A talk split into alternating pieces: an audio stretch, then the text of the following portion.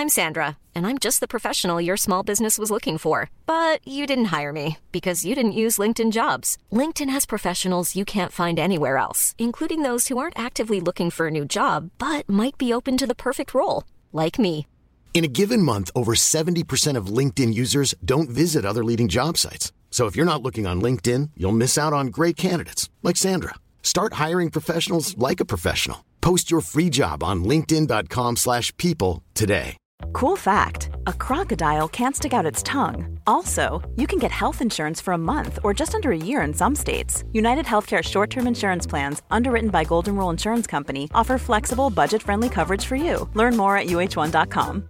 Hey Dave, Yeah, Randy. since we founded Bombus, we've always said our socks, underwear, and t shirts are super soft. Any new ideas? Maybe sublimely soft. Or disgustingly cozy? Wait, what? I got it. Bombus. Absurdly comfortable essentials for yourself And for those facing homelessness. because one purchased equals one donated. Wow, did we just write an ad? Yes. Bombas. Big comfort for everyone. Go to bombas.com slash ACAST and use code ACAST for 20% off your first purchase.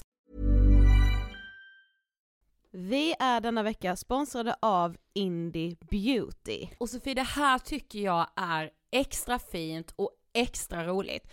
Ja men Indie Beauty är ju ett skönhetsvarumärke som jag tror att väldigt många känner till, men det jag älskar mest, det är att Indie Beauty liksom vill vara mer än bara produkter, vilket de ju också är. Exakt, Indie Beauty står ju för Independent Beauty, skönhet på dina villkor och för din egen skull. Och Indie Beauty tror ju stenhårt på ett alternativt skönhetsideal fritt från måsten, skam och känslor av otillräcklighet. Där är jag helt med Indie Beauty. Jag med. Det är så jag vill att skönhet ska vara. Ja men verkligen. Och vet du vad som är nytt för i år Sofie? Berätta. Från och med i år så skänker Indie Beauty 1% av sin försäljning till Suicide Zero, Tjejzonen och Djurens Rätt. Så när man handlar produkter från Indie Beauty så kan man liksom känna att man också ger tillbaka till samhället. Ja, kraften i tillsammans. Ska jag säga en sak nu då, som Mm. jag, det, men det är detta jag är extra glad över. Nu har Indie Beauty tagit fram en keps och den tycker jag ändå så på sommaren, skydda sig från solen, Jättebra, jag älskar kepsen. men det bästa, de bidrar till Suicide Zeros viktiga arbete för att minska antalet självmord och självmordsförsök. Så för varje såld keps så går hela vinsten, 100 kronor, direkt till Suicide Zero. Då kan man liksom göra nytta både för samhället och sin hud på en och samma gång. Ja, och kepsen kostar 169, men alltså hela vinsten går då som sagt till Suicide Zero. Så om man vill göra skillnad när man är där ute i solen, nu när den börjar titta fram, då ska man välja den här kepsen. Den säljs exklusivt på indiebeauty.se och på Apotea. Tillsammans kan vi skapa en ljusare framtid. Vi ses med kepsarna på! Tack Indie Beauty. Vi är sponsrade av Mindler och som ni säkert vet sedan tidigare så är vi ju ute på psykologresan tillsammans. Men hur vet man egentligen när det är dags att söka hjälp? Ibland uppstår saker i livet som kommer utmana oss och kännas tufft. Det mesta självläker vi oss igenom, för vi är menade att ta oss igenom en viss mängd påfrestningar. Men ibland behöver man professionell hjälp för att ta sig ur jobbiga perioder i livet. Men vart går då gränsen? Vad är en del av livets skavighet och när är det läge att söka hjälp? Det sägs till exempel att stress är farligt, men att det också kan vara bra. Alla sover dåligt ibland, så när har man egentligen sömnproblem? Ångesten kommer väl krypande för de flesta någon gång. Så när ska man se ångesten som outhärdlig? Hur vet jag? Med oss som psykolog har vi såklart min gamla psykolog Linnea Seidbrant. Men Linnea, vad är egentligen utmattningssyndrom? Utmattningssyndrom är en konsekvens av svår och långvarig stress utan möjlighet till återhämtning. Vi är ju då skapta för att klara av stress, men vi behöver också återhämtning. Om du utsätts för för mycket stress under en lång period utan att du får till den nödvändiga återhämtningen så kommer kroppen till slut att säga ifrån. Och det är faktiskt så att alla har en gräns. Du kan drabbas av en rad fysiska eller psykiska besvär som trötthet, sömnproblem, hjärtklappning, besvär från magen och tarmarna och mycket annat. Och det här är ju då varningssignaler och tecken på att du kan behöva göra någonting åt din situation. Annars så kan besvären utvecklas till att du mår så dåligt på sikt att du blir psykiskt och fysiskt utmattad. Ladda ner Mindler till din telefon och läs mer på mindler.se.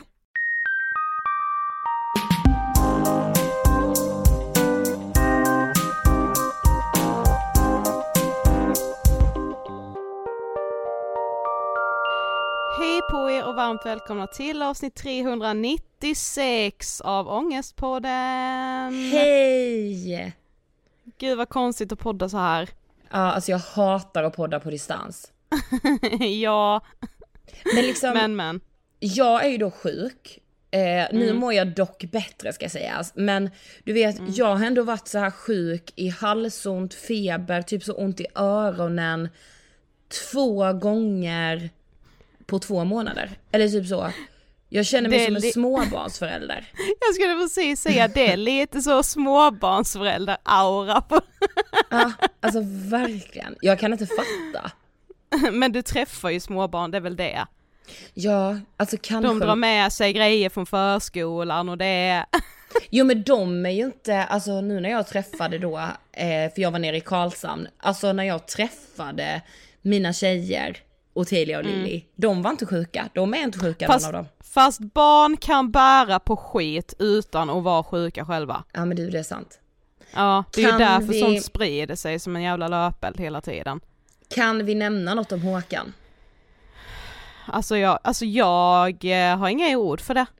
Det var typ min starkaste konsertupplevelse. Ja. Det är liksom sällan jag har eh, faktiskt, alltså suttit eller stått och gråtit på konserter. Alltså du vet man Ja. säger så, åh jag kommer gråta, jag kommer gråta, men så står man där och liksom kommer ändå inte riktigt fram till de känslorna. Nu var det bara så, nej det bara rann. Ja men vänta vi kan faktiskt dela på Instagram, följ oss där, vi heter Angestpodden. Eh, när jag, för jag har då råkat typ, nej alltså sen fattar jag typ ändå att jag filmar, men jag har i alla fall hur som haver spelat in när jag lipar på Håkan. Och det är ju Ja. liksom en person som ser ut som att hon har fått ett dödsbesked. Ja men det var jävligt fint, alltså jag är så, jag är avundsjuk på alla som har det framför sig. Ja jag med denna helgen som kommer. Ja, otroligt. Alltså helt jävla sjukt. Men det är också för att, alltså det finns ju ingenting som gör mig så sentimental tror jag som Håkan-låtarna gör. För att så här, Nej. jag har aldrig, alltså som du har ändå varit så här hårt Håkan-fan. Mm. Och det kände jag så här, bara det har jag aldrig varit. Men när jag sätter på Håkan så inser jag ju ändå att eh, låtar har funnits i olika tidsepoker i mitt liv, så när jag Ja. lyssnar på Håkan, alltså jag ser verkligen mig själv sitta på mitt flickrum hemma och typ eh, chatta på MSN och, ja men jag vet inte så här vara olyckligt kär för första gången, eller så här tro att man är olyckligt kär för första gången. Åh. Nej men det är så fint. Ja, det är så jävla vackert. Ja, det är verkligen det. Något Ja. annat som är, jag vet inte om det är vackert, det är nog allt annat än vackert, men något som liksom vi är mycket i är ju att det är valrörelse. Ja, den är ju inte jättevacker, to be honest. Men Fast herregud, också, som jag hörde idag innan, att den är ju också ganska lugn, alltså det har ju inte riktigt hettat till skulle inte jag säga. ja, det skulle dock jag säga. Jag tycker att det här det är smutsigare än någonsin i politiken. Jo, men det är det jag menar, att så här, det blir ju bara jättebarnsligt allting. Det blir, ju, Ja. det blir ju knappt någon sakpolitik överhuvudtaget. Allting handlar bara om vem som än vinner, hur ska man bilda nästa regering? Alltså hur Ja. ska det gå till? Så man kommer liksom aldrig ner på sakfrågorna. Och väldigt, väldigt lite om psykisk ohälsa. Nej men det är pinsamt. Ja, Det är sorgligt lite om liksom barn och ungdomspsykiatri, om elevhälsa som är vår hjärtefråga. Glöm inte skriva under på 3minuter.se. Alltså snälla, vi behöver alla underskrifter vi kan få.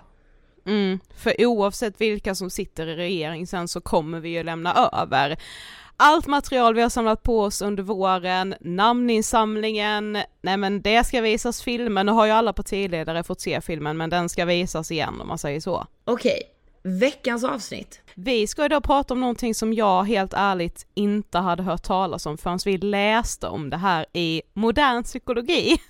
Nej men jag vet och det är lite konstigt för det är ju så kopplat till liksom ångestpodden på något sätt. Vi borde typ Ja. ha pratat om det. Sen har ja. vi ju typ pratat om det utan att veta att vi har pratat om det. Ja men utan att veta att det finns liksom ett namn på det här. För idag poddar vi om resiliens som innebär psykologisk motståndskraft. Ja, och alltså det är då hur man liksom, hur man som individ, alltså inte klarar av motgångar fast liksom, Fast typ jo. ja, jo, alltså hur, hur man tacklar motgångar och hur man, hur vissa människor då tycks tackla det bättre än andra och det här är ett ganska det här är väldigt nytt inom forskningsvärlden, så att det finns liksom, alltså forskningen är inte helt överens om ifall det här är ett personlighetsdrag eller om det här är någonting som alla föds med men som, ja, som gör, alltså att livet gör att man tacklar motgångar på olika sätt liksom. Ja men exakt. Och det är ju också inte bara motgångar utan det kan ju också vara så här stora sorger i livet, svåra livshändelser, trauman, alltså allting där liksom psyket är inblandat så att säga. Ja, det kan också vara en sån sak som alla kan relatera till, alltså just pandemin, att man tänkte när pandemin kom att så här, ja men om vi inte kommer, om jag inte kommer få träffa mina vänner och min familj då kommer jag gå under. Alltså Ja, just det här med hur man, hur man själv tar för givet innan att man inte kommer klara av saker, men helt plötsligt så har man ändå gjort det och man fattar inte riktigt hur. Ja men exakt. Och med oss idag för att reda ut det här så har vi Kristin Öster som är psykolog och doktorand vid Karolinska institutet. Ja. Eh, och hon är ju experten. Ja men det är hon och vi är ju som vanligt alltid superglada när vi får ha med oss forskare, det är ju något speciellt med hela den grejen. Ja det måste man säga. Så vi rullar intervjun med Kristin Öster om psykologisk motståndskraft. Varsågoda! Hej Kristin och varmt välkommen till Ångestpodden! Tack, hej! Jättekul att ha dig här. Verkligen. Det är som vanligt coolt för oss att ha forskare här. Vi Vi älskar det. Vi har taggat, så här, vi har suttit här typ en timme och bara taggat att vi ska få träffa dig och att du är forskare. Eh, inte för att ge dig någon press men. Känner lite press. Du ska få berätta, vem är du? Eh, jag är eh, psykolog i grunden och är nu doktorand på Karolinska institutet. Eh, och där forskar jag på stress, återhämtning och säkerhet i relation till arbetstider. Eh, så det är inte riktigt motståndskraft som jag forskar om. Nej. Eh, men ja, man kan ändå mer hur kan vi förebygga stress och främja hälsa i arbetslivet. Mm. Ja, vad tänker du på när du hör ordet ångest? Um, åh. Jag tänker på, eh, ja, ja men ångest är, jag tycker det är, jag tycker det är väldigt spännande med ångest. Eh, och för mig, jag klättrar, det är liksom min hobby ut, utanför jobbet. Det tycker jag är superkul eh, ja, som sport, men framför allt för att man känner mycket ångest. eh, och eh, som psykolog, jag tycker det är så spännande att de, jag har märkt det i Ja, det är väldigt mycket, alltså man, man är högt uppe på ett berg, eh, skulle utrustningen liksom fallera så skulle man ramla ner och dö. Mm. Det händer liksom inte, men det finns ändå den här nerven. Exakt. Och framförallt har jag märkt att i de situationer där det är som säkrast att falla, alltså där risken för skada är som minst, det är ofta då jag är som mest rädd. Eh, för då kan det vara, ja, det blir lite tekniskt, men det, kan, det är ofta eh, överhäng, ja, det är liksom vissa situationer. Ja. Eh, Medan andra situationer eh, känns och upplevs mycket säkrare. Ja, men till exempel ju närmare marken du är, desto farligare är det att falla, för att det kan bli väldigt långa fall. Men ju högre upp du kommer, desto säkrare är det, men det blir ju läskigare. Ja. Så att den här sporten är, ja det är väldigt liksom fysiskt och fascinerande tycker jag att man är liksom, ja, man kan inte riktigt lita på, på den där ångesten. Nej. alltid. Men gud, det kän- jag har upplevt att alltså, klättring har blivit så poppis. Ja. Det känns som jag har många vänner som så här testat det och verkligen fastnat för det. Ja. Så, och det kanske har att göra med det då, att man vill utsätta sig för den där ångesten lite. Jag tror, jag kanske inte, de flesta brukar sen liksom, ja, kanske inte klättra eh, utomhus och så, men eh, just för att det blir liksom läskigt. Men, men jag tycker Ja. det, ja det är jättekul. Ja. Det är också som ett pussel och finns massa annat som är roligt, men den här nerven och Ja, just exakt. att, att eh, det här rädslosystemet och hur det blir väldigt fysiskt. Ja, jag tycker att det är väldigt fascinerande. Ja. Mm. Och samtidigt blir jag väldigt såklart rädd, men det, ja, fascinerad och, och rädd.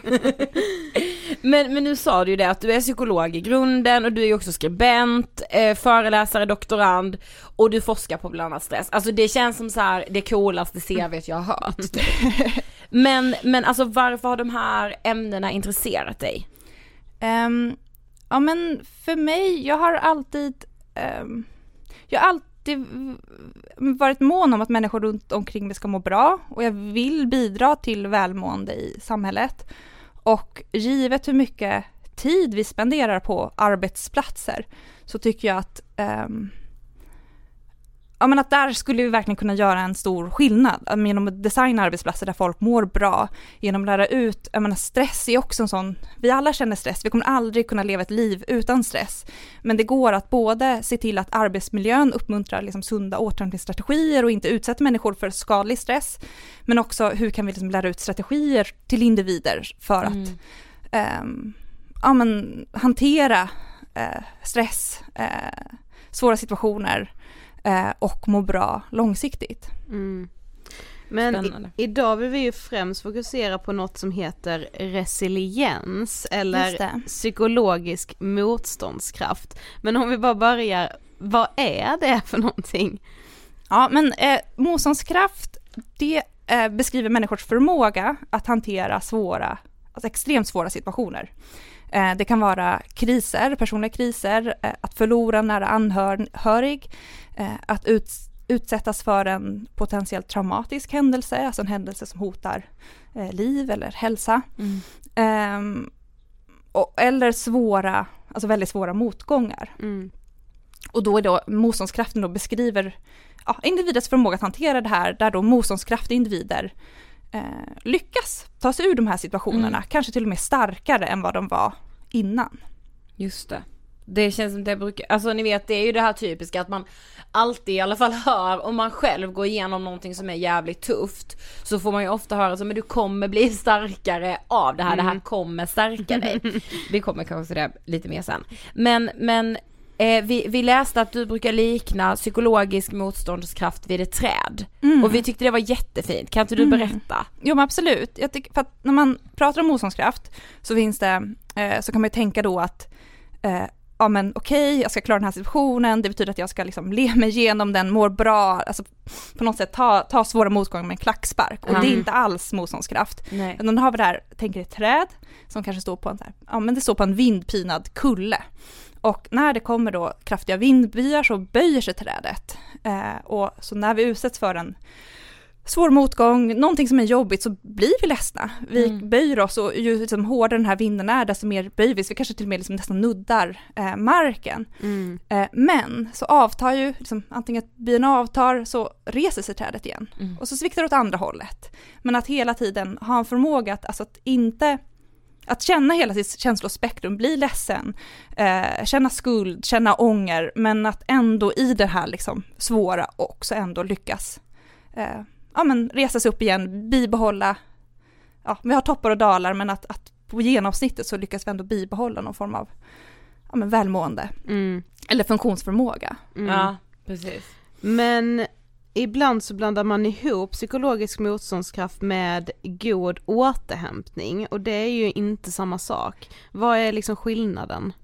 Sk- Skillnaden är att en, ehm, om man är den här motståndskraftiga trädet så eh, har man, man har toppar och dalar men man bryts liksom aldrig. Medan en person, för, alltså för att skillnaden är att för att återhämta dig måste du först ha blivit skadad. Eh, fysiskt eller psykologiskt och så återhämtar du dig från den skadan. Eh, så till exempel på en arbetsplats eh, så kan det vara em, två, två kollegor och det är väldigt stressigt eh, och den ena kollegan blir utbränd, måste vara sjukskriven en period men sen lyckas ta sig tillbaka. Eh, går kanske i terapi eller hittar ett sätt att, eller byter arbetsplats kan man också göra och sen så lyckas man bibehålla hälsa på nästa jobb. Eh, Medan en motståndskraftig individen har också dalar, blir stressad, mår dåligt men blir aldrig på något sätt så sjuk att, att personen behöver ja, men sjukskriva sig till exempel. Eh, men känslan, alltså som vi fick när vi först läste eh, om det här, det var liksom att psykologisk motståndskraft typ är något vi är generellt dåliga på eller vad man ska Mm. säga. Alltså hur, hur ser det ut egentligen? Men för jag fick också den känslan, Ja. att det här och kanske också när jag började läsa om det här, för, jag gjorde liksom research om psykologisk motståndskraft under pandemin, Ja. Ehm, så trodde jag också det här var ovanligt och jag tror att, jag tror att det är så de flesta ser på det. Eh, men vi, eh, eh, det är tvärtom, vi är, de allra flesta människorna är eh, motståndskraftiga. Vi är, man får påminna om, vi är ättlingar till de som överlevde. Ja, just det. Och folk hade det liksom generellt sett jävligt pissigt förr. Eh, Att det är lite svårare än vad vi har det idag måste man ändå säga. Exakt, Eh, så vi är motståndskraftiga, vi klarar av ofta mer än vi kanske tror då. Men jag har lite sådana här siffror. Ja, ja. Eh, och de här kommer från USA nu. Men jag ser ingen anledning till att det skulle vara som annorlunda här. Men Nej. till exempel då så, eh, av de som förlorar en nära anhörig, så utvecklar eh, 10-15%, alltså ungefär var tionde person, eh, kronisk depression eller ångest. Eh, vilket är jättemånga såklart. Men det betyder samtidigt att 85-90%, alltså 9 av 10 gör det inte. Så den överväldigande majoriteten av de som förlorar en nära anhörig klarar det. Ja. Fastän att det är jättejobbigt. Eh, och sen fanns det också eh, statistik från eh, men jag tar den, det här, eh, efter 9-11 till exempel, Ja. så gjorde man en telefonintervju och eh, precis efter att det här terrorattentatet hade skett så eh, tittade man hur många som hade PTSD-symptom, alltså kliniska PTSD-symptom. Ja. Och egentligen för att, och det var det väldigt många, jag kommer inte ihåg exakt hur många procent, men det var många som hade PTSD-symptom. Men så kort efter en traumatisk händelse så ställer man inte ens en diagnos. För att det är normalt att Just reagera med liksom, Ja. eh, ja men du har påträngande symptomen minnen. men det är ju inte konstigt att du har. Nej, exakt. Men sen gör man om då uppföljningen, fyra månader och sen sex månader senare. Och vid sex månaders uppföljningen så hade bara 0,6 procent av New York-borna PTSD-symptom. Så det är ju jättefå, Ja. ehm, trots att det var en sån, ja, fruktansvärt såklart. Ja, och jättetraumatisk händelse men Ja, det, men de klarar det är så intressant. Mm. Att man, alltså för jag, så, precis som vi är inne på att, så, att vi tänkte det första vi tänkte när vi ens började prata om det här var ju så gud vi människor är så dåliga på det. Ja men såhär oj här har vi något som gemene man måste bli bättre på, det poddar vi om. Alltså det var ju ändå men vår första, Så, ja exakt. Ja. Men att när man, alltså jag blir typ trygg av att höra att vi människor visst är bra på det. Det är ju jättetryggt. Ja, jag tänker bara som ett till exempel, alltså i början av pandemin så var ju alla väldigt, väldigt oroliga för att vi liksom att vi människor inte skulle klara av det rent psykiskt. Alltså man var Ja, ju verkligen. orolig att självmordsstatistiken skulle öka väldigt mycket, att många skulle gå in i depressioner Mm. just för att vi inte kunde träffas och liksom många blev bara med jobbet och så. Men hur har det sett ut liksom under pandemin?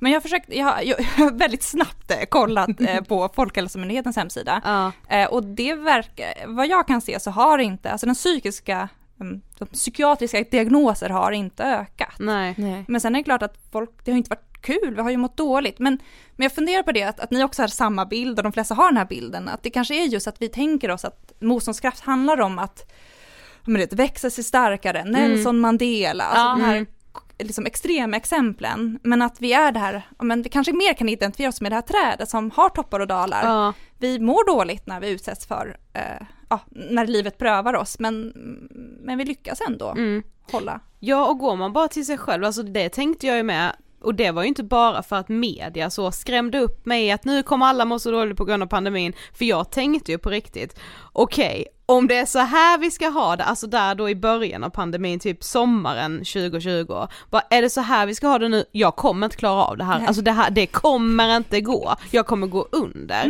men sen är det ändå någonting som jag, jag fixade det, alltså så här, nu med facit i hand, bara ja det är klart att det inte var kul, men jag mådde ju inte så fruktansvärt dåligt under pandemin. Alltså inte som jag befarade att jag skulle göra. Du är en ättling till de som överlever. Just Glöm nu men, men något annat som liksom medialt har varit väldigt omdiskuterat är ju just att, ja men vi, eller eh, så här, den yngre generationen mår dåligt och att man liksom ja men nästan eh, har det pratats om att så här, men känner de unga efter så mycket eller varför mår Mm. unga så dåligt och sådär. Hur kan det hänga ihop med liksom psykologisk motståndskraft? Mm. Och det var en jättesvår. Ja. Och där är det så os... Jag tycker också att det är svårt att veta, mår ungdomar? Alltså mår de verkligen sämre? Har, mm, vad jag vet, suicidtalen har, alltså självmordstalen har ju inte gått, det är också något form av mått. Men ehm, Jo men sen 90-talet har självmordstalen de har ökat. också ökat. I, nej, Just nej i inte den- generellt men i gruppen 15 till 24. Ja, det kanske är så. Ja, det, där, det där lurar, för jag vet också att ibland så, ja, det där, jag vågar inte det är lite så omdebatterat också, mår Exakt. unga verkligen sämre? Ja, och, och det, kan ju det. vara så att man Mm. mår, alltså man har symptom, vi ställer ju frågor om de här enkäten, att man Alltså vad ska man säga, subkliniska symptom, alltså man mår lite sämre men man är inte mer liksom psykiatriskt Nej, sjuk, nej. det det har ju inte ökat, alltså de psykiatriska Nej. sjukdomarna har ju inte ökat liksom, Nej. psykiska sjukdomar. Mm. Men mer typ oro och ångest. Ja, Mm. ja nej det är jätte, Det kanske är svårt att svara på. det är svårt, ja jag tycker det är jättesvårt att svara på, det där är en, en gåta. Och så, vi, har, får det bättre och bättre, borde vi inte må bättre och bättre. Ehm, Mm. Men, de borde inte, alltså det, de borde ju inte i grunden vara mindre motståndskraftiga Nej. än någon annan. Men sen så är samhället, ser annorlunda ut. Mm. Eh, är liksom, ja, är det Ja, mer men- och- ja, men- skolan? Ja, Ja och vi svårt. diskuterar ju den frågan mycket och har väl känt många gånger bara att så, alltså det är en väldigt, väldigt förenkling av från vuxenvärldens sida att skylla på att anledningen till att många unga mår dåligt, om de nu mår så mycket sämre än vad man har gjort innan, så Mm. är det för att de är så dåliga på att ta motgångar. Alltså Just det det. är enda anledningen, bara, ja men de kan inte ta motgångar, de vet inte vad livet innebär, de måste skärpa till sig typ. Eh, och där känner väl vi lite så bara det är typ en förenkling av den ökade psykiska ohälsan i så fall. Det är, alltså en viktig del i psykologisk motståndskraft är ju också att det är inte att du ska vara glad hela tiden. Utan Nej. att, att, att, och jag tror ibland eh, att, ja, att vi har lite svårt att tillåta oss själva, eller i samhället liksom, ja men vad ser man på sociala medier, att, att ändå att också tillåta de här svåra känslorna, att, att se liksom livet som den här, som Mm. alla färger som finns där och att exakt. även de här svåra känslorna, alltså försöker man helt trycka undan dem, det är ju inte heller liksom bra utan att, att kunna vara, alltså ja. Ja men vi brukar prata om det att så här, den mediala bilden eller så sociala mediebilden är, detta är mitt värsta begrepp. När man pratar om att folk ska vara den bästa versionen av sig själv. Mm. Alltså den bästa versionen, jag är ju det en gång om år. Alltså så, Ja, eller så mer pallar man ju inte vara det. Alltså. Och i så fall skulle man säga att den bästa versionen av sig själv är den versionen där man släpper fram alla sina Exakt. känslor. Det är att Jo men jag menar när man versionen. pratar om det i sociala medier så pratar man ju om Mm. det som att människan är någon robotlik figur som ska vara eh, tjolahopp och hej och Mm. alltid glad och så här. här finns ingen, nej jag är aldrig ledsen, jag är aldrig, alltså så. Mm. Och det tror jag This is Paige, the co-host of Giggly Squad, and I want to tell you about a company that I've been loving, Olive and June. Olive and June gives you everything that you need for a salon quality manicure in one box. And if you break it down, it really comes out to $2 a manicure, which is absolutely insane. It's also so easy to get salon worthy nails at home with Olive and June. The difference between how your nails used to look when you did them yourself and now with the Manny system is a complete game changer. The best thing about Olive and June too is it's a quick dry, dries in about one minute, lasts for five days, and full coverage in up to one to two coats. Visit oliveandjune.com slash perfect manny 20 for 20% off your first system. That's oliveandjune.com slash perfect manny 20 for 20% off your first system. Hiring for your small business? If you're not looking for professionals on LinkedIn, you're looking in the wrong place. That's like looking for your car keys in a fish tank.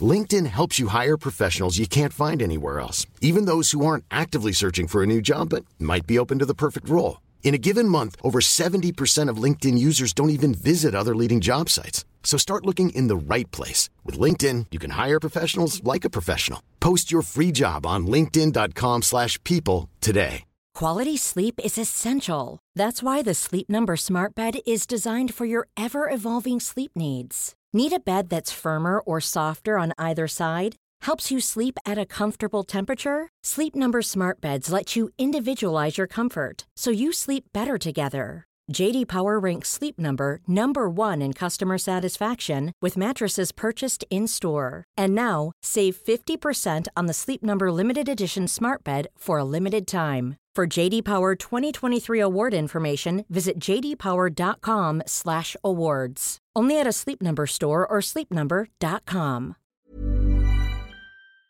Jättefarligt. Mm. Ja, men det, tror- och det tror jag också, jag har också tänkt så här den här, alltså för den här bilden då av, om du tänker ett träd som allt, som bara står pall, det är Mm. helt rakt. Och det, det spelar ingen roll hur mycket det blåser, det är alltid liksom tipptopp. Exakt. Till slut kommer en vind som är så kraftig, då bryts det ju direkt. Alltså vi måste kunna böja oss för vinden. Ja, åh det, Eller hur? så jävla bra Ja, förklaring. verkligen. Men kan man öva upp sin psykologiska motståndskraft? Ehm, det, ehm, det vet vi inte, är det enkla svaret. Alltså vi, vi kan, eh, det finns, man har forskat på ehm, vad som utmärker psykologiskt motståndskraftiga individer. Ehm, och det här är ett väldigt ungt forskningsfält, så vi, det är väldigt stor osäkerhet. Eh, sen har man också testat, alltså forskat på olika interventioner, alltså där man då har eh, ja, olika liksom utbildningar eller program där man tränar individer att bli mer motståndskraftiga, alltså där man Aha, tränar på de här mm, sakerna. mm. Och så sammanfattar man då hur, ja, kan man träna upp sin resiliens? Och där så är Eh, ja, jag läste en, en eh, det har kommit en sån review och metaanalys fr- från i år där man tittar på kan vi träna upp resiliens hos sjuksköterskor? Eh, och där man har då tittat på massa olika studier och kom fram till att vi vet inte. alltså, det, det finns viss antydan på att kortsiktiga effekter kan man träna upp sin, sin motståndskraft, men det håller inte i sig och liksom kvaliteten på studierna är så låg att vi kan inte, ja, och, och man såg inga effekter där på stress, eh, ja, stress, ångest och depression. Och så har jag läst andra sådana också sammanställningar, så att det finns, ja men det finns studier som har lyckats, andra har inte lyckats och, och, och så. Men det är ju på frågan, så här, kan vi, alltså, Ja. kan, men sen så tror jag ändå... Konkret kan vi träna upp Ja, liksom. det, men det är så här forskningsnördigt, men det, det vet vi inte. Det är därför du är här, vi Ja, älskar det. verkligen. Men sen så, tro, sen så finns det ändå, om man läser den här litteraturen som också är väldigt osäker, så, så finns det ändå saker som framstår som sunda och som utifrån men, så här, andra liksom, forskningsfält inom psykologi, så här, hur kan vi förebygga depression, hur kan vi förebygga stress, ångest, som vi kan tänka på. Ehm, Mm. så. Mm. De kommer vi nog till senare. Ja. Men, men om man liksom, alltså, ja, för vi, vi tänkte det här med att så här, hur ska man kunna ta det här till sig utan att känna så här, oj är jag själv nu helt ansvarig för, för att om jag mår dåligt, alltså måste jag bara träna upp den psykologiska motståndskraften. Ja men man ska alltid vara sin egen lyckas smed. ja liksom. precis. Mm. Ja men verkligen, och, och är det då om jag inte, om jag nu är med om en svår händelse eh, och inte lyckas hantera den så bra utan blir ja, men, deprimerad eller får mycket ångest, är jag då misslyckad som inte var ja, tillräckligt motståndskraftig? Mm. Eh, och det är man ju förstås Mhm. inte. eh, men men det, det där tycker jag också är lite så här svårt med eh, hur man ska, men jag tänker att, att det, ja, vi är ju motståndskraftiga de allra flesta. Mm. F- har man svårt att hantera en situation, det kan hända vem som helst, även, jag tänker även en resilient individ kan eh, utsättas för, ja men vi vet eh, att ju fler ehm, svåra händelser du har utsatts för, Mm. det är också en riskfaktor för att man just eh, in, alltså att man reagerar då eh, dysfunktionellt, att man inte Ja, blir motståndskraftig. Så att det ah. finns ju också någon form av hur många liksom, hur många kriser kan man, eh, kan man ta? Ja. Exakt. Eh, så. Men, och, och därför ska man ju, om man nu befinner sig i en svår situation, inte tycker att man lyckas hantera den särskilt väl eller känner att man behöver hjälp och stöd, så ska man ju såklart söka sig till en vårdcentral, eh, Mm. prata med en psykolog eh, eller få annat samtalsstöd. Det tror jag är jätte, Mm. det tror jag är jätteviktigt och de sakerna som ändå lyfts fram som, som eh, utmärker som motståndskraftiga individer, det är också, många av de sakerna tränar man på i olika terapier. Mm. Ja. Eh, och det är liksom inga förvånande, eh, Nej. Jag tänker typ så här, alltså om jag bara ska liksom tänka på mig själv och ifall, hur motståndskraftig jag är så känner jag att så här, det beror helt på liksom när det här då motståndet uppstår, alltså vad jag är i för mode den dagen eller den perioden i livet, alltså Mm. det kan ju med variera. Jag Mm. kanske har en period i mitt liv där jag är väldigt motståndskraftig och sen så Mm. kommer det en period där jag inte är det, alltså det beror på lite från vilket håll den här vinden blåser om vi nu Just ska det. återgå till trädet. Eh, och att det kan ju också vara en förklaring då till varför man kanske helt plötsligt faktiskt hamnar i en depression och inte var så motståndskraftig kring den där krisen. Du Ja. kanske hade en generellt lite sämre period i ditt liv bara liksom, eller en jävligt dålig dag när man bara tycker att så, fan, jag kan inte ta det här idag liksom. Nej, Men så är det ju det som är att vara människa. Ja, men verkligen, och det finns också de, vissa av de här Ah, de här forskarna inom fältet tycker inte alltid lika. Eh, men, och, och vissa forskare menar då att psykologisk motståndskraft är inte en, ett personlighetsdrag eller inneboende egenskap utan det är en färdighet som vi tränar, alltså någonting som, Mm. men som du säger kan variera över tid. Mm. Eh, och ibland, ja, ibland blir det bara för mycket. Men sen, ja, tar Men det frågan. finns forskare också som menar att det är typ ett personlighetsdrag. Ja det gör det. Ja, Ja. mm. intressant. Det är jätteintressant. Ja. Så de menar då, du föds med det liksom? Är deras? Ja, eller, ja, ja precis. Att du Ja. har liksom...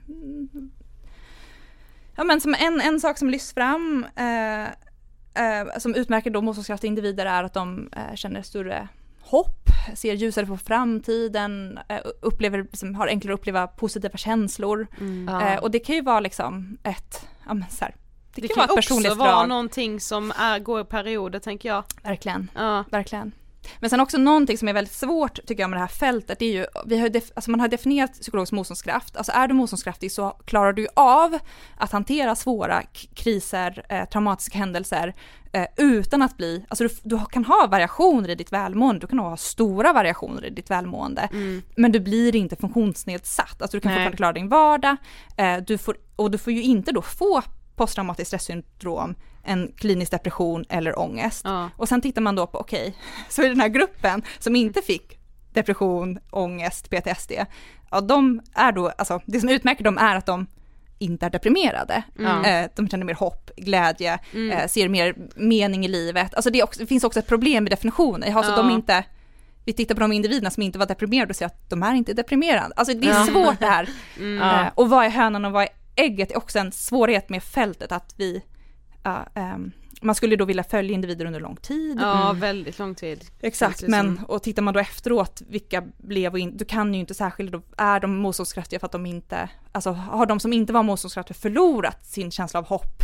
Mm. Eller, eller var de motståndskraftiga individerna mer hoppfulla från början? Ja, det, där, det är svårt precis. att utröna. Men jag tänker att det också kan vara att vi inte vet riktigt vad som är hönan och vad som är ägget. Ehm, är det, ja, ehm, är de här dragen utmärkande för individerna eller de också orsaker till att individerna Mm. mår bättre. Vi vet inte de här liksom, hur går liksom sambanden? Mm. Jag tänker att det också kan väl ge någon form av tröst om man nu, eh, eller jag kan i alla fall bli lite provocerad när jag läser de här sakerna också, så här, om man då inte känner, men, är i djup sorg liksom och inte känner eh, meningsfullhet, Mm. att det finns alltid, kommer alltid något gott ur det som skett, alltså om man inte nu kan, kan förmås att känna det så kanske man heller inte behöver då vara rädd att nej, men jag är inte motståndskraftig eller jag Nej, reagerar precis. fel eller utan Nej. det är liksom ett lite så, det är ändå ett lite skakigt eh, fält. Mm, Ja. precis. Så. Ja, för är det alltid rätt att försöka se positivt på saker? Alltså du vet vad som bara, det finns något gott i det här. Alltså. exakt. Ehm, nej, eh, det tror jag inte. Och där har de, eh, som, så en, en av de här sakerna då som utmärker motståndskraft är meningsfullhet, alltså känsla av meningsfullhet. Och det finns olika aspekter av det. Eh, så dels att man då kan se någonting meningsfullt i det som har skett. Eh, och om, även om man inte kan det, ehm, för det finns ju massa händelser där det, det finns absolut ingen poäng med Nej. dem så kan man skapa mening ur det som skett. Och, och det finns många exempel på människor som förlorar en nära anhörig och sen kanske eh, startar en minnesfond. Mm. Antingen då för att skänka pengar till Cancerfonden för att andra inte ska behöva dö av samma sjukdom. Eh, eller att man startar en minnesfond för att ehm, inom ett, ja, men ett, en passion eller intresseområde eller något som var viktigt för den individen. Mm. Eh, och det är ju ett sätt att skapa då mening. Eh, inte av det som skett men ändå kan ändå ge någonting. Ja, någon Ja, tröst, precis. så. Att man får ändå tillbaka någonting på något sätt. Ja. Mm. Ja och jag tänker med att det blir, alltså att man känner, ja men just bara att Ja men det är ju mening såklart, men att man känner för sig själv att så här: okej, okay, nu har jag förlorat den här personen, men nu ska jag se till så att ingen annan eh, är med om samma sak, ja, eller att någon förlorar, ja. ja. men som du sa, i, i den här sjukdomen eller vad, vad det kan vara. Mm. Eh, men det här var vi inne på lite också, men för, för just det här som vi sa att man ofta hör och liksom ändå är lärd att säga, jo men du blir starkare av motgångarna, du blir starkare och det, det, jag upplever nog att jag, alltså i mitt liv, har stärkts av liksom tuffa mm. perioder. Jag har ju absolut inte känt det i perioden, nej. men efteråt nej, nej, har jag ju bara så, okej okay, det finns, det kommer från någonting för jag blev ju starkare av det här. Alltså... Men kan man liksom se alltså någonting om att ju fler motgångar man går igenom i livet desto mer motståndskraftig blir man eller blir, finns det liksom så där det tippar över och så blir man mer skör eller?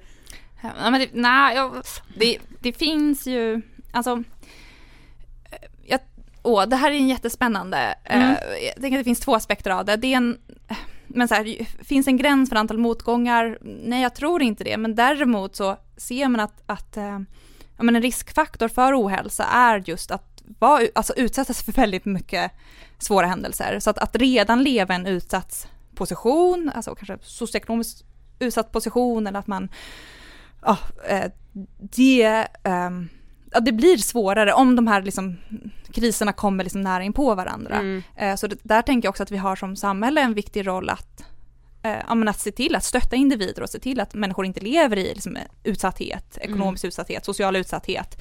För det gör det ju svårare. Exakt. Eh, så, så, så att det inte det går nog inte att säga att fler motgångar är bättre eller fler motgångar är sämre, utan det beror på. Men växer vi oss starkare av motgångar, det, det, det, det verkar det som att vi gör. Och det tänker jag är en sån jätte... Det finns så många andra frågor som tangerar det här. Eh, men att just lära oss att se på motgångar som Alltså något som utmärker de här individerna eh, som är motståndskraftiga är att de ser på motgångar som tillfällen för lärande. Mm.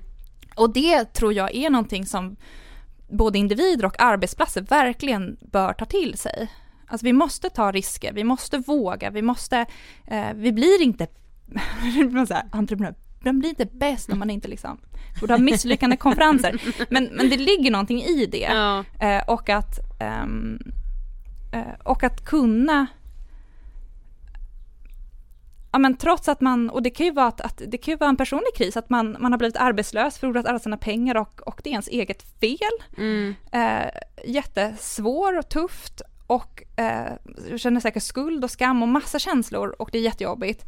Men att även i en sån situation så kan man ju lära sig någonting ja. för att undvika det i framtiden. Och att, att, att um, och där, där, det är det är inte så himla lätt. Vi vill ju liksom, det är jätteobehagligt att, att misslyckas, det är jätteobehagligt att, att utsättas för svåra situationer. Men att, att, verkligen man kanske inte behöver göra det just då, det kanske kommer senare, men att, att ha ja, Mm. Att, vi, alltså att, att, en förmåga att, att vilja lära sig av alla erfarenheter, mm. positiva som negativa, och att inte begrava de där negativa erfarenheterna. Mm.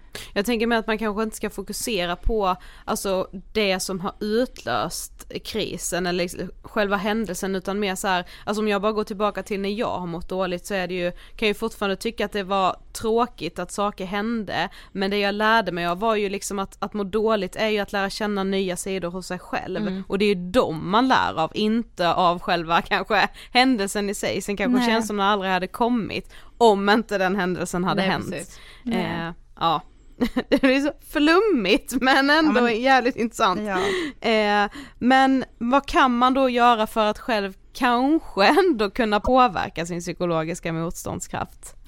Men det allra, eh, om, om de här forskarna nu är oense eh, om många saker, så finns det en sak som alla, eh, alltså alla artiklar jag läst har lyft fram, är vikten av eh, socialt stöd. Mm. mm. Så att, ehm, ja, men att ha ett socialt nätverk omkring sig ehm, är jätteviktigt. Eh, så att, ja, men att dels då försöka när man mår bra, alltså nära sina relationer och, och vikten av att, alltså, ja, ehm, som säga, vårda, sitt, mm. ja, vårda sin, sitt nätverk, sin familj, sina vänner, de relationerna. Eh, men kanske också framförallt när man nu har det svårt och tufft, att, att då eh, ja, ta kontakt med personer som man vill Ja, prata med, exakt. men också då som att vi runt omkring också, att när en person, när vi vet att någon har det svårt, då är det väl extra viktigt om de inte ringer, alltså det här att ah, kanske vill vara för sig själva, alltså det är Mm. bättre att ringa liksom en gång för mycket, att, att ställa upp för varandra. Exakt.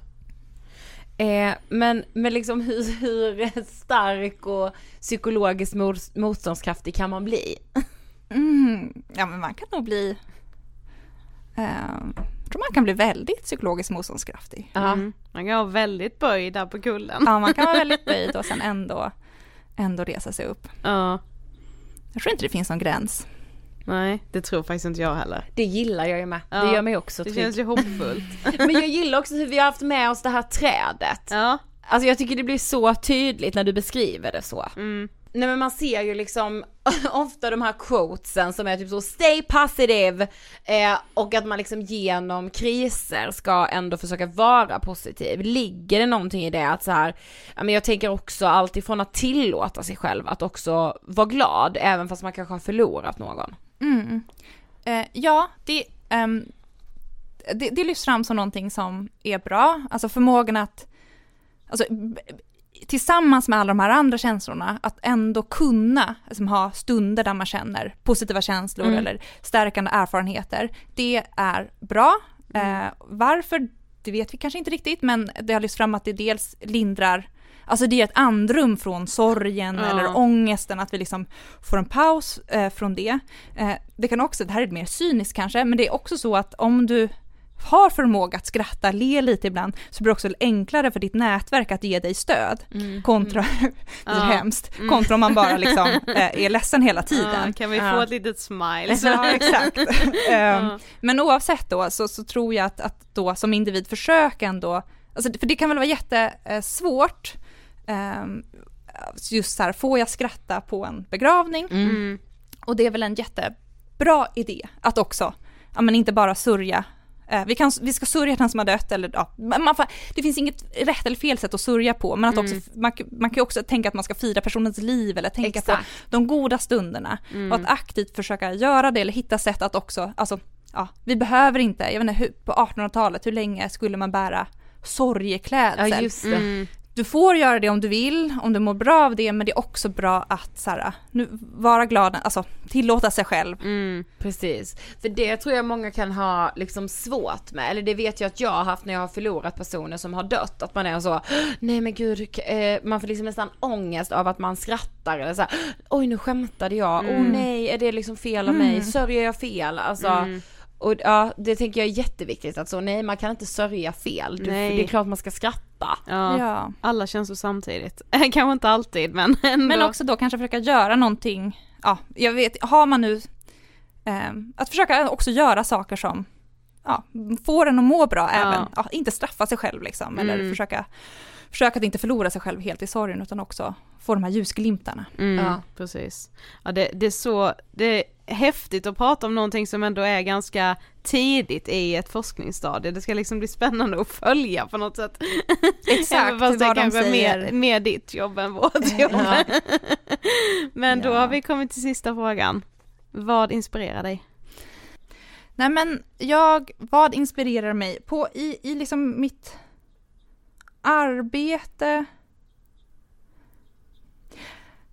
Jo men, ja, men om vi ändå ska liksom bibehålla, det här, det här är inte alls kanske inom temat, men jag kommer ihåg alltså att göra um, ja, men svåra saker. Ja. Ehm, och att eh, ja, svår, göra, göra svåra saker. Jag, hade, jag gick en, precis när jag började doktorera gick jag en, en kurs och fick en uppgift. Eh, det var en kurs i Open Science. Eh, Det spelar ingen roll, men, men och så skulle jag göra en uppgift och jag bara liksom ja, tog med vatten över huvudet. Det var skitsvårt. Jag skulle göra någon form av som, beräkningsanalys som jag bara liksom inte klarade av och så här kom jag i, ja, det gick jätte, jättedåligt. Jag kommer ihåg ett tillfälle så ja men du vet, jag ska göra en analys och läsa på, vad behöver jag göra? Jaha nej, då måste jag kunna simulera data för att kunna göra den här analysen och jag kunde liksom inte ens programmera då. Mm. Ja, och så gick jag liksom en annan, åt ett annat håll och ja, jag bara, det bara blev liksom kaos. Jag satt på mitt köksgolv och så här grät. Det var, alltså det var en doktorandkurs, herregud, det spelade ingen roll liksom. Eh, För att, för att det var, jag var så stressad och det var så svårt. Eh, Och sen i slutändan skrev jag en min inlämningsuppgift ble, blev en logg av eh, på vilka sätt jag hade misslyckats och typ vad jag hade lärt mig av det. Eh, och Ah. blev godkänd. Eh, jag tror att jag hade säkert blivit godkänd vad jag än hade skickat in. Men, men det var ändå ehm, eh, att göra den typen av saker där man verkligen så här ja, utmanar sig själv och Ja. ibland klarar man det inte. Men att vara på den där gränsen, ibland går det, ibland gråter man lite. Eh, Ah. det, det var inte kul då, men det var ändå, ja det inspirerar mig att göra jättesvåra saker som man inte vet om man klarar. Ja. Men att, du vet, inte tänka efter före utan ja, man bara hamnar där och sen så, ibland Man går får det ju. inse under tiden att okej det här var lite för svårt. Exakt, exakt. Ja. Men det tycker jag, ja, och det kan ju också vara privat, att Ja. gå någon lång vandring som man är lite sådär på gränsen, Mm. utmana sig själv och sen så får man se Om Det är ju ännu härligare, eller då får man se vacker natur. Nu Ja, fick jag bara precis. ett G på en uppgift. Ja, men eh, Ja. att vara i det gränslandet. Ja. Älskar det. Ja, jag med. Så spännande. Tack så jättemycket för att du ville gästa Ångestpodden. Ja, tack för att jag fick komma hit, det var superkul. Tack. Alltså det här trädet som vi har med oss under hela inspelningen. Ja, trädet. Det blev så himla symboliskt men också så målande för mig att Mm. förstå det här tydligare. Sen fattar man ju med att så här, det är svårt att svara på vissa av våra specifika frågor när forskningen är så ny eller vad man ska säga. Precis. Ja, Mm, I, sin lin- vet... I sin linda. Ja men och vi vet ju hur forskare är och det älskar man ju med forskare. Att de inte Mm. liksom är så självklara och liksom så himla Precis. Säkra i sina svar. Mm, precis. Tack så jättemycket Kristin för att du vill gästa Ångestpodden. Tack! Men Sofie, det är några veckor kvar bara till valet. Ja, när ni lyssnar på det här är det alltså då typ två veckor och eh, fyra dagar. Valspecialen är igång. Jag vill bara uppmana alla att gå och rösta. Att liksom vara en del av demokratin. Det är det fetaste som finns.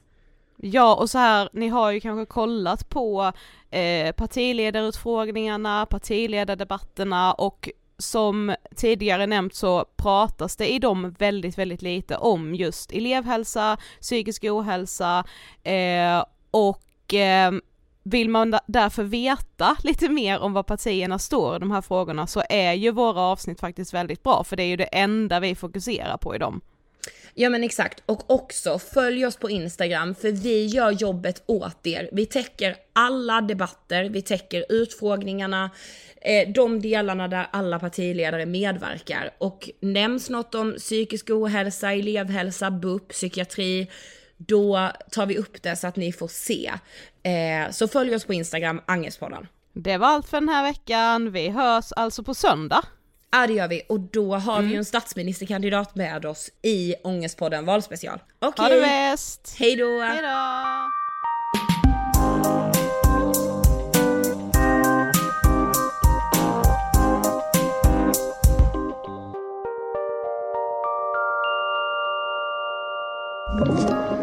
Podplay.